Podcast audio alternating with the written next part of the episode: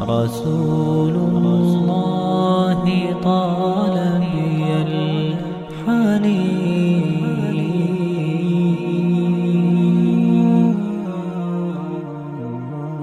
وأرق موجتي شوق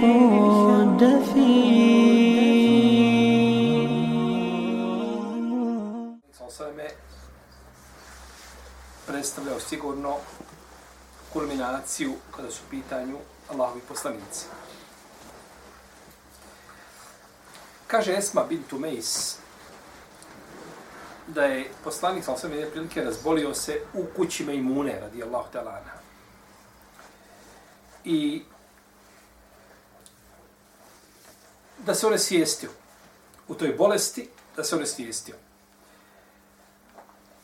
Pa su žene se međusobno savjetovale šta bi, pa su odlučile da mu daju jedan lijek koji se sipao jedan dio u usta. Civučicom se uspio jedan dio u usta, pa ga onda bolesnik polako ga guta. Pa su tako postupile, pa je poslanik sam sve pokazivao rukom, nemojte to raditi.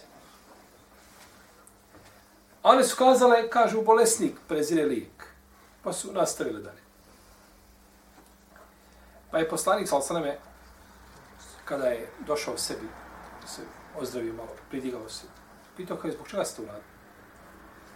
Kažu, Allahu poslaniće, smatrali smo, kaže, da ti imaš jednu vrstu čira. A ovo je lijek dobar za to. Pa kaže, ja sam pokazio rukom, kaže, da to ne činite. Kaže, ne bi mene Allah iskušao tim,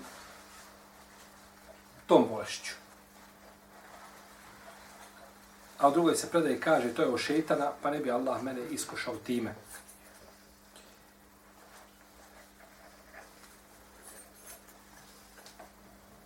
I u trećoj vezi stoji, kaže, ja sam kod Allaha, kod Allaha puno počašćeniji od toga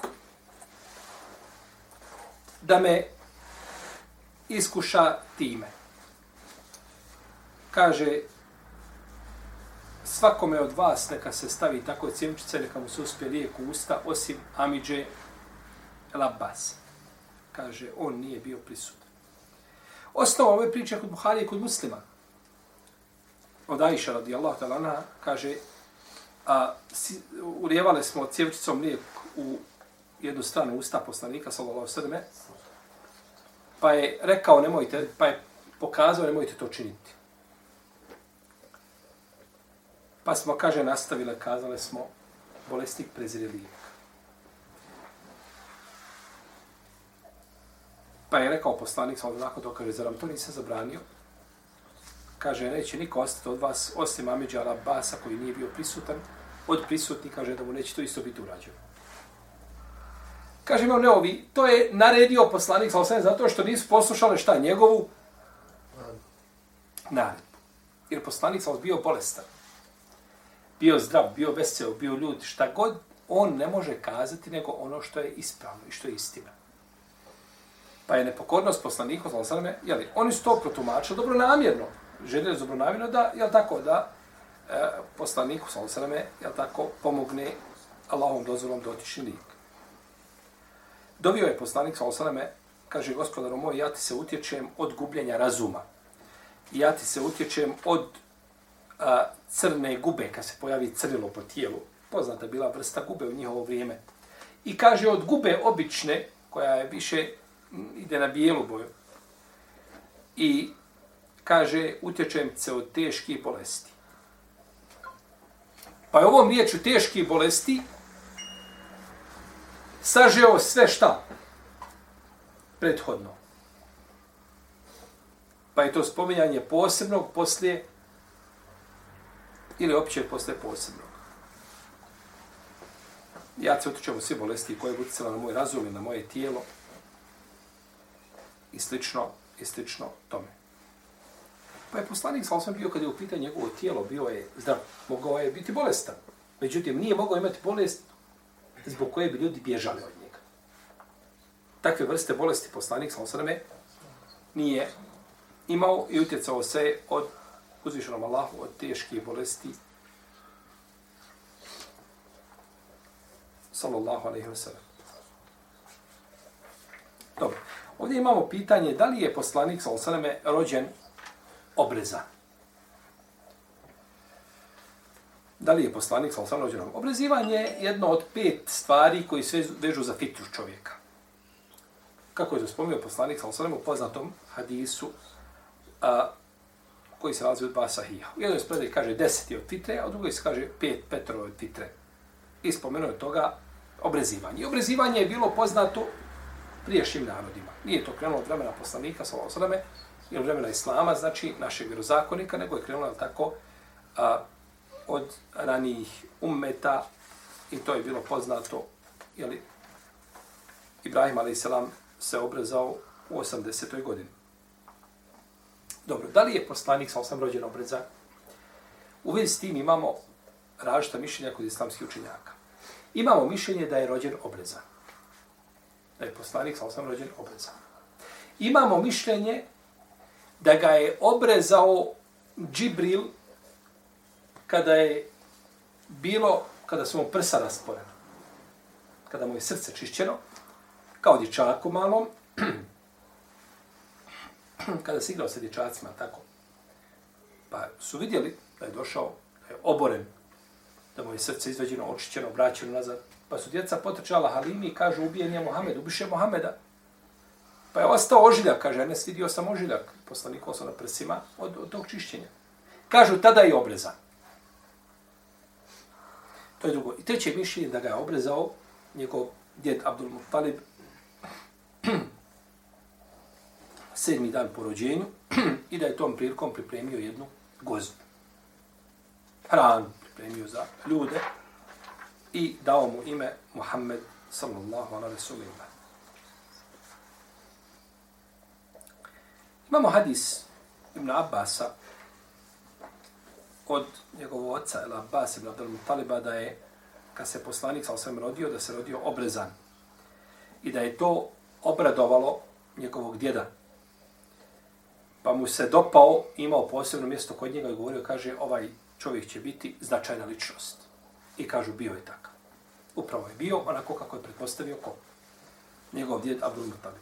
Za ovaj hadis, kaže, imam ibn Abdul Ber ibn Adi ibn Kesiri, ostale da je daif, da je neispravan. Da ovaj hadis, znači, slab. Ima je hadis Enesa ibn Malika, da je poslanik, sam sam rekao, od mojih kerameta jeste da sam rođen obrezan i da niko nije vidio moje stidno mjesto. I da niko nije vidio moje stidno mjesto. Ovdje se kaže od mojih kerameta. Poslanici imaju muđize, a nemaju kerameta. To je jedno. Drugo, da niko nije vidio mjesto djeteta, stidno mjesto, To je teško za pretpostaviti. To je teško za pretpostaviti. A našo što imamo hadis Safije bint Abdul Muttalib, da je kazala kada je rođen poslanik, sam sve kaže, pogledala sam, kaže, ili muško ili žensko, pa kada on kaže muško.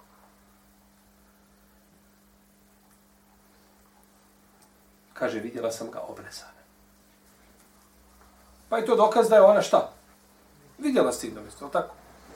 A o majici da ne govorim. Ili dojili kod koje boravi malo dijete i tako dalje.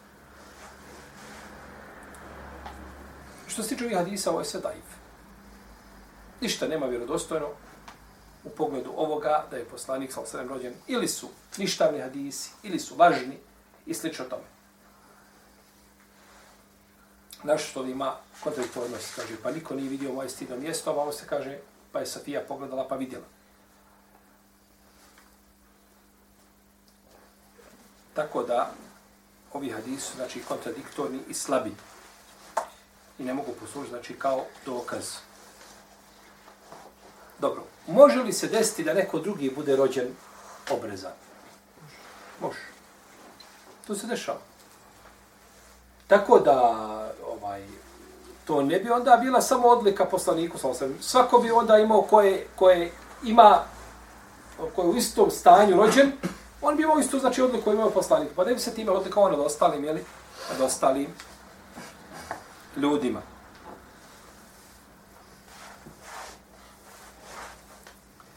A neki učinjaci kažu obrezivanje je, ako bi se rodio čovjek obrezan, kaže, to nije pohvala.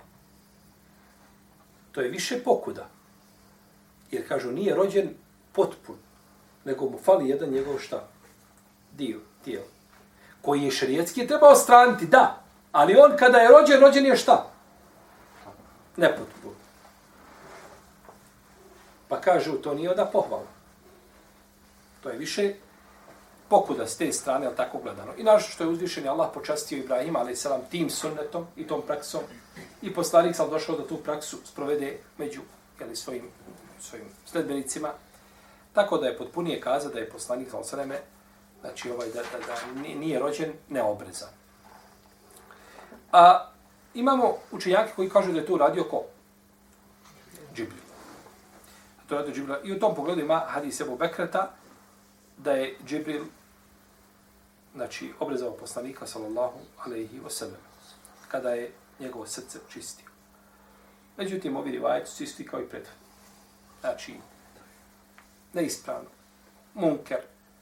Ništavni rivajeti koji ne mogu poslužiti kao, kao dokaz. Znači, to tim prije što je priča ovaj, čišćenja srca poslanika sa osvijem prenešena brojnim rivajetima. Nigdje se ne spominje obezivanje. Nego u rivajetu jednom koji je slab. Pa se to zove munker u hadijskoj nauci. Kada prenosi, kada pogriješi ispravan ravija, to je šaz, to je iznimna predaja. Od udara od drugih predaja. Iako je u osnovi po spolješnosti šta? Vjerodostojan lanac. Međutim, ona od udara od drugih. Pa se ne može prihvatiti. Iako je šta? Lanac po spoljašnosti ispravan. Pa šta onda kada je lanac u osnovi neispravan? I od udara, to se zove munker. Znači ništavna predaja koja ne može ovaj poslužiti ovaj ni u kom slučaju kao jer od udara znači od, od a to je jako bitno za spomenuti. Ha. Čišćenje, da svi spomenu čišćenje prsa, a prešute šta? Obrezivanje. Pa je a, ovo mišljenje znači neispravno kao i ovaj hadis. Jel? Ostaje nam treće mišljenje da je, kako došlo u hadisu Ibn Abbasa, da je djed poslanika sa osreme obrezao ga sedmi dan po rođenju.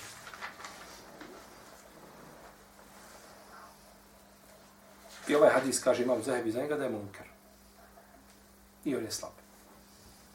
Znači, nemamo mi vjerodostojnog hadisa, iako neki učenjaci preferiraju, kaže najprije da će biti ovo treće mišljenje, to je bilo poznato me u to vrijeme među ljudima, tako, i kažu najprije da će biti to na takav način da je ovaj da je to uradio Abdul Muttalib, djed poslanika, sallallahu alejhi Međutim, nemamo za to vjerodostojnog hadisa.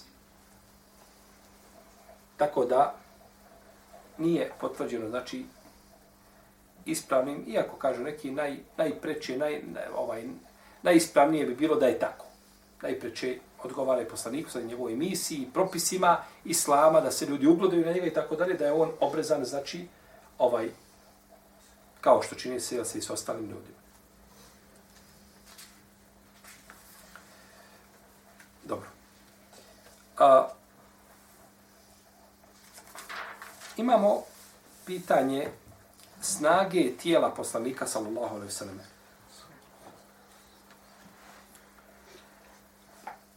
Uh, uzvišeni Allah se žele počastio poslanika sallallahu alejhi ve selleme snagom tijela kojom nisu bili počešćeni drugim ljudi, koji, koji, kojom nisu bili počešćeni drugi ljudi.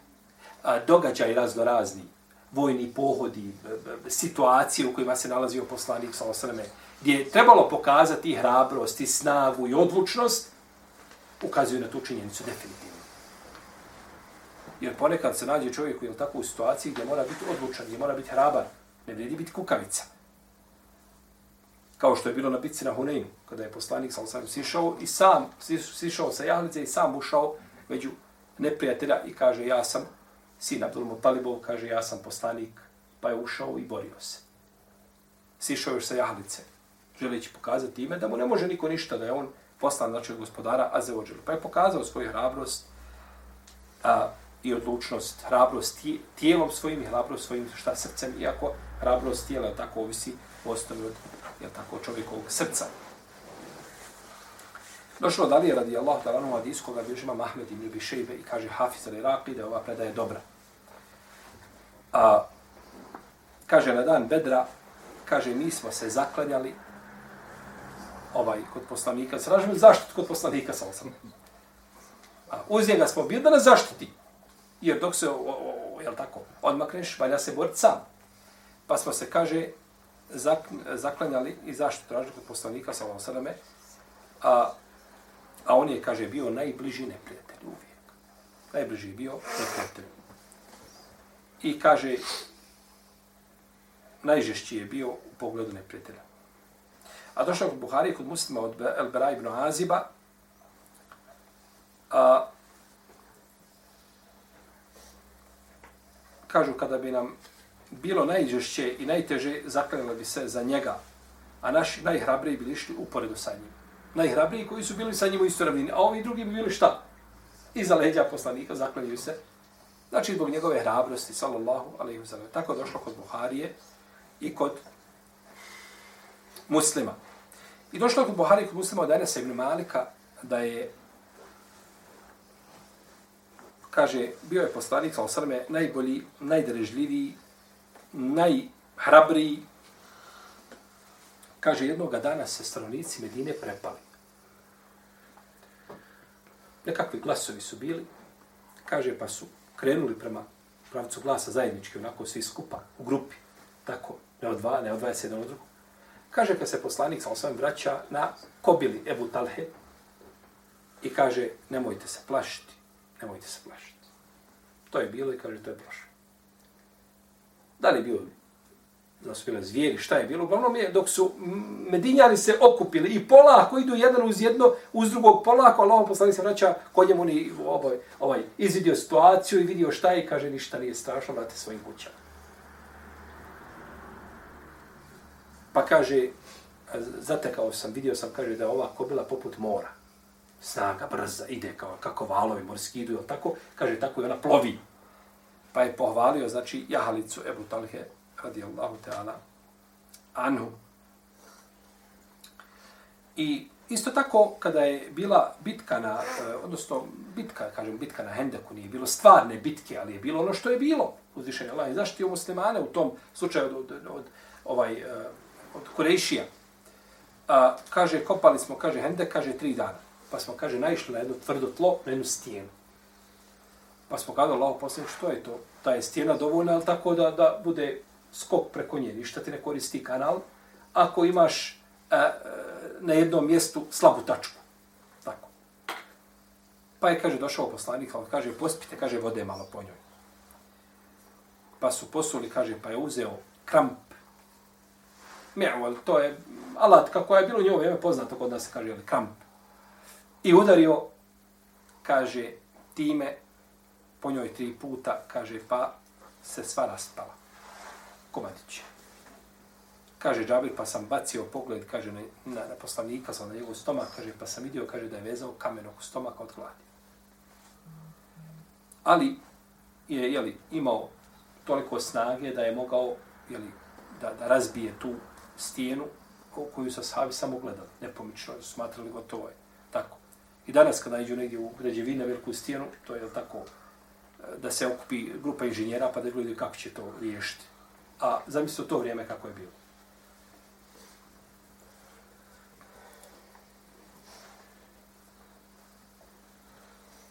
Pa ovo ukazuje na snagu poslanika sallallahu alejhi ve selleme i ukazuje na njegovu snagu to što je kako došlo kod Buhari Nenesa kod Anasa ibn Malika da bi boravio znači, u jednoj noći sa devet supruga svojih. Kaže, Enes, pričali smo, kaže, da u tom pogledu imao snage kao 30 muškaraca. Znači, ukazuje da su poslanici imali i zato je poslanicima je bilo dozvoljeno ono što nije bilo dozvoljeno drugim ljudima. Kao su Lejman Ali Šta kaže, obiće učeras stotinu živina.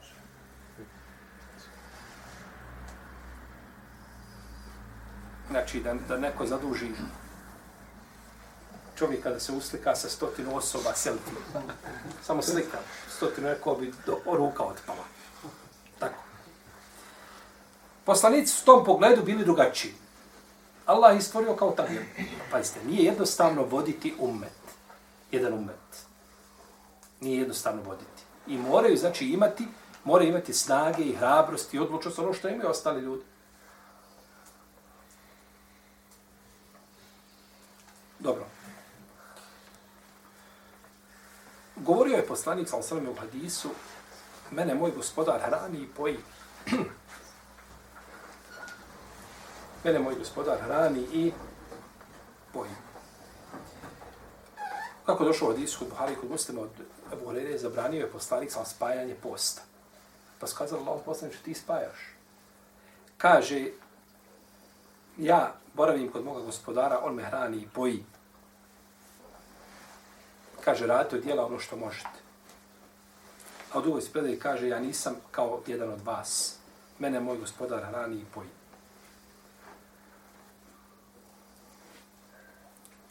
Pa je poslanik Ashabi ugledali se na poslanika sa u tom pogledu, pa su i oni spajali post.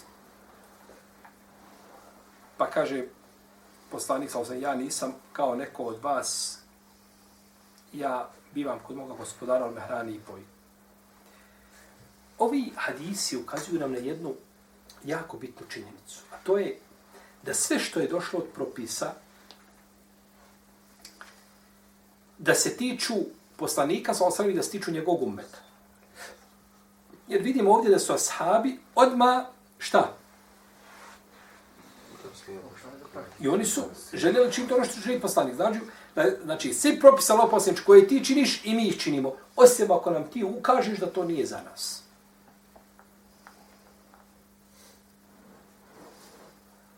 Pa ne možemo kazati da nešto vrijedi izričito za poslanika, sallallahu alaihi sallam, osim ako za to postojimo, da imamo, imamo znači, argumente i dokaze. Evo kao ovdje, nismo pitanje spajanja, što je poslanik sallallahu sam zabranio ljudima, a on je to činio. Što ukazuje znači da on ne ulazi u tu zabranu, sallallahu alaihi sallam. Međutim, učinjaci razilaže šta znači riječi mene moj gospodar hrani i poji. Šta znači te riječi? Pa jedna skupina učinjaka kaže to znači da ga njegov gospodara zauđele hrani i poji istinski hranom. Neki kažu da je to džanetska hrana, uglavnom da je to konzumiranje šta? Hrane koje utoli glad. U pravom smislu šta? Riječ. Iako je nama nepoznat način kako to biva, međutim, Znači, uzvišeni Allahu znači daje da jede hranu na način kako želi. To je jedno mišljenje kod islamskih učenjaka. Znači, shodno spoljašnosti čega? I kažu, hadis kaže, mene mnogo hrani, hrani i poji. To je to. Ne možemo to tumačiti metaforički nikako drugačije na bilo koji način, nego uzvišeni Allah ga hrani šta i poji. Imamo drugo mišljenje, a to je stav većine učenjaka, da U ovome slučaju ne odnosi se hrana i piće na tu materijalnu hranu i piće koja se razumije možda na prvi pogled. To je stav većine učenjaka. Ali se onda oni razilaze na tri mišljenja. Šta znači onda? Kako to? Kako to hrani ga i poji ga? Ako nije u stvarnom smislu riječi, kako je onda? Pa jedna skupina učenjaka kaže da mu uzviše Allah da toliko a, ovaj a, sitosti da nema potrebe šta za za hranu. Da mu da toliko sitosti da nema potrebe nikakve za hranom niti za piće. A drugo je da mu da snage a, toliko i onda ne osti potrebu za, vamo je sitost, a vamo je šta? Snaga. Smisao nije daleko jedno od drugog. Iako ima razlika među njima. Između snage i sitosti, je tako? On ima snagu, ne osti sito, možda osti da je gladan, ali ima snagu da obavlja sve što... A ovo u drugom slučaju ima šta dovoljno, ima sitost, pa ne, nema potrebe za hranu. I treće mišljenje a, jeste da mu uzvišeni Allah azzawajal daje a, spoznaju i slašću i badeta ono što mu je dovoljna hrana. Time se hrani. Znači, ibadetom. I kažu, to je najjača vrsta hrane, srce, hrani srce, a u isto vrijeme hrani i tijelo. I to je više odobro šeho slavim Tejmi ibn Kajim, ibn Sejmin i drugi učenjaci. I kažu, ovo bi moglo biti mišljenje, moglo biti jako. Zadnje mišljenje, iako ni ovo drugo nije znači isključeno, da ovaj kroz slasti, ovaj, e, ne kroz slasti vade, već kroz, kroz snagu da ima mogućnost da obavlja ono znači što ime zadužen. A, ovo prvo mišljenje da je stvarna hrana, to je slabo mišljenje. Se radi o stvarnoj hrani. Jer da jede stvarnu hranu, mene moj gospodar hrani i pojde, jede stvarnu hranu, tokom dana ne bio postavljen. Jel u redu? A tokom noći da jede stvarnu hranu, šta bi onda bio? Ne bi prekinuo spajanje. Ne bi bilo spajanja, nema spajanja. A on kaže ti spa, jeste ja spa. Nije njima rekao ja ne spajam, odakle vam to? Pa jeste, ja spajam, ali mene moj gospodar hrani i poji. Pa je potvrdio spajanje, a ako bi bila stvarna hrana, onda nema spajanja. Jer čovjek šta god da bi unio u želudac, ovaj, ne mora biti kroz usta direktno da donese ili da uzme nekakvu hranjivu infuziju, nešto slično, što mu utoli glad i žeđ i tako dalje. Tako da bi bilo baš super. 18 sati postav, infuzija jedna u 10, jedna u 4, super. A možda i jedna dovoljna. I ti ništa. Ne, to, e, pa, je jedan od ciljeva posta jeste malo, kao tako, da čovjek osjeti ovaj glad. Jer glad ima svoje koristi, o tome su pisali islamski učenjaci pod, pod nazivima Fadlul Džu, koristi gladi. Pa je a, neispravno, znači da se radi o, a, pa je to poslanik, sam svojemo da e, još objasnio riječima, ja nisam kao vi. A, jer ima tu znači jedna razlika u tom, jeli, pogledu. A ponekad imamo i argumente i dokaze da se ponekad hrana opisuje kao a, hrana, da se opisuje kao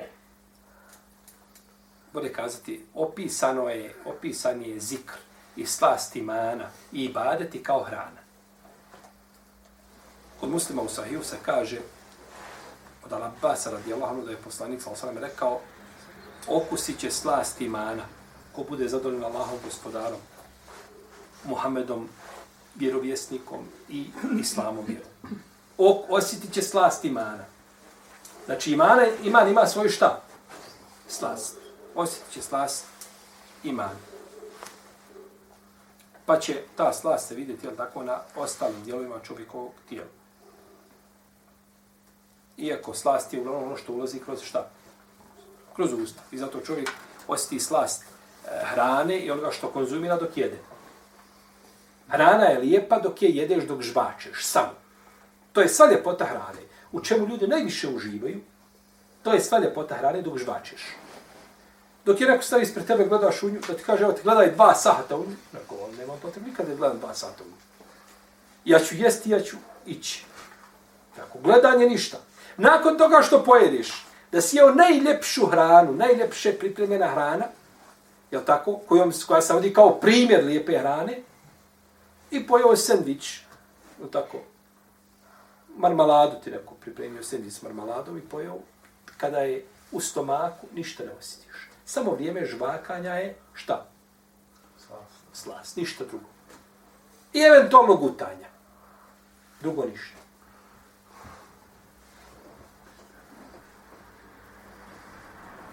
I zbog toga se ljudi dozvole da idu u džehenu. Tijelo koje je hranjeno haramom, preče je šta vatri nego, preče je vatri, tako? A zbog čega? Zbog onoga vremena samo žvakanja.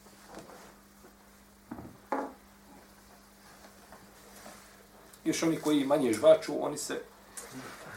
I ima tu još jedan problem, da ti neko kaže dobro u redu, hajde žvači 20 minuta, da bude što ljepše.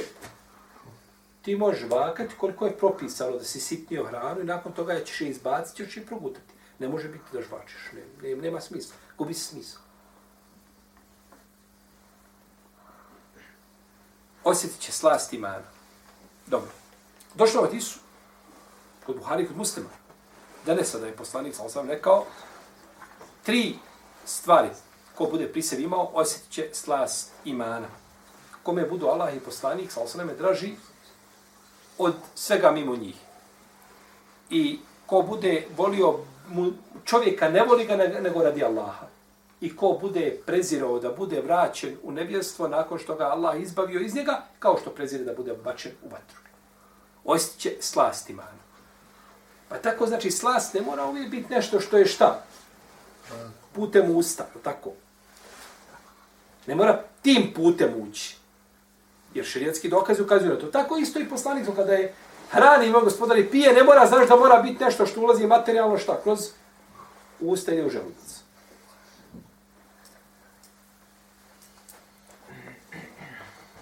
I kod Buhari, kod muslima ima da je poslanik, sal sveme, usnio da je, da mu je donesena posuda, pa da je pio iz te posude mlijeko. Pa je vidio, kaže, kako mi izlazi ispod mojih noktiju. Kaže, pa sam ostatak dao Omeru. Pa kaže, lopov sam čovjek, kako si to protumačio? Kako je tumačenje sna? Kaže, protumačio sam to kao znanje. Protumačio sam šta? Kao znanje. Pa je nešto materijalno protumačio nečim što nije šta? Materijalno. Mlijeko je protumačio, mlijeko znači nije, mlijeko je materijalno. Protumačio je za nje nije materijalno. Ne može nigdje uhvatiti, pa nabrati ga, jel tako? Pa da imaš ti negdje. Ne, ne može, nije takve prirode. I došlo je kod Buhari i kod muslima a, da je poslanik, ali sam rekao, kaže, primjer mene i onoga čime sam poslan je kao primjer a, kiše koja pada na zemlju.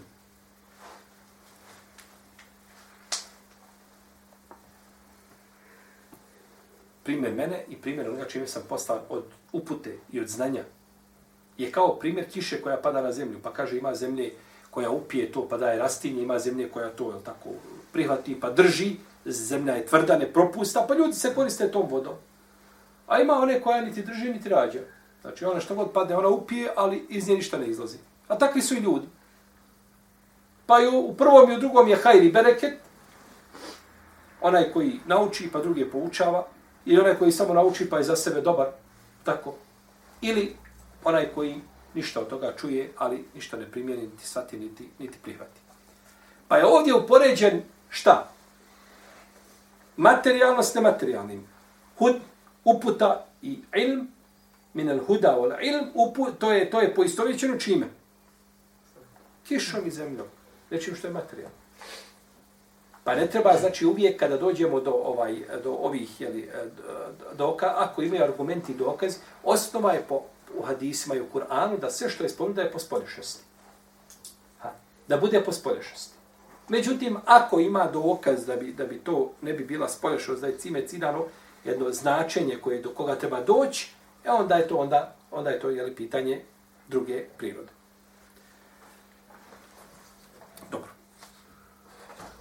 نستجيب وشكرا لكم على المحكمة صلى الله عليه وسلم محمد وعلى آله وصحبه وسلم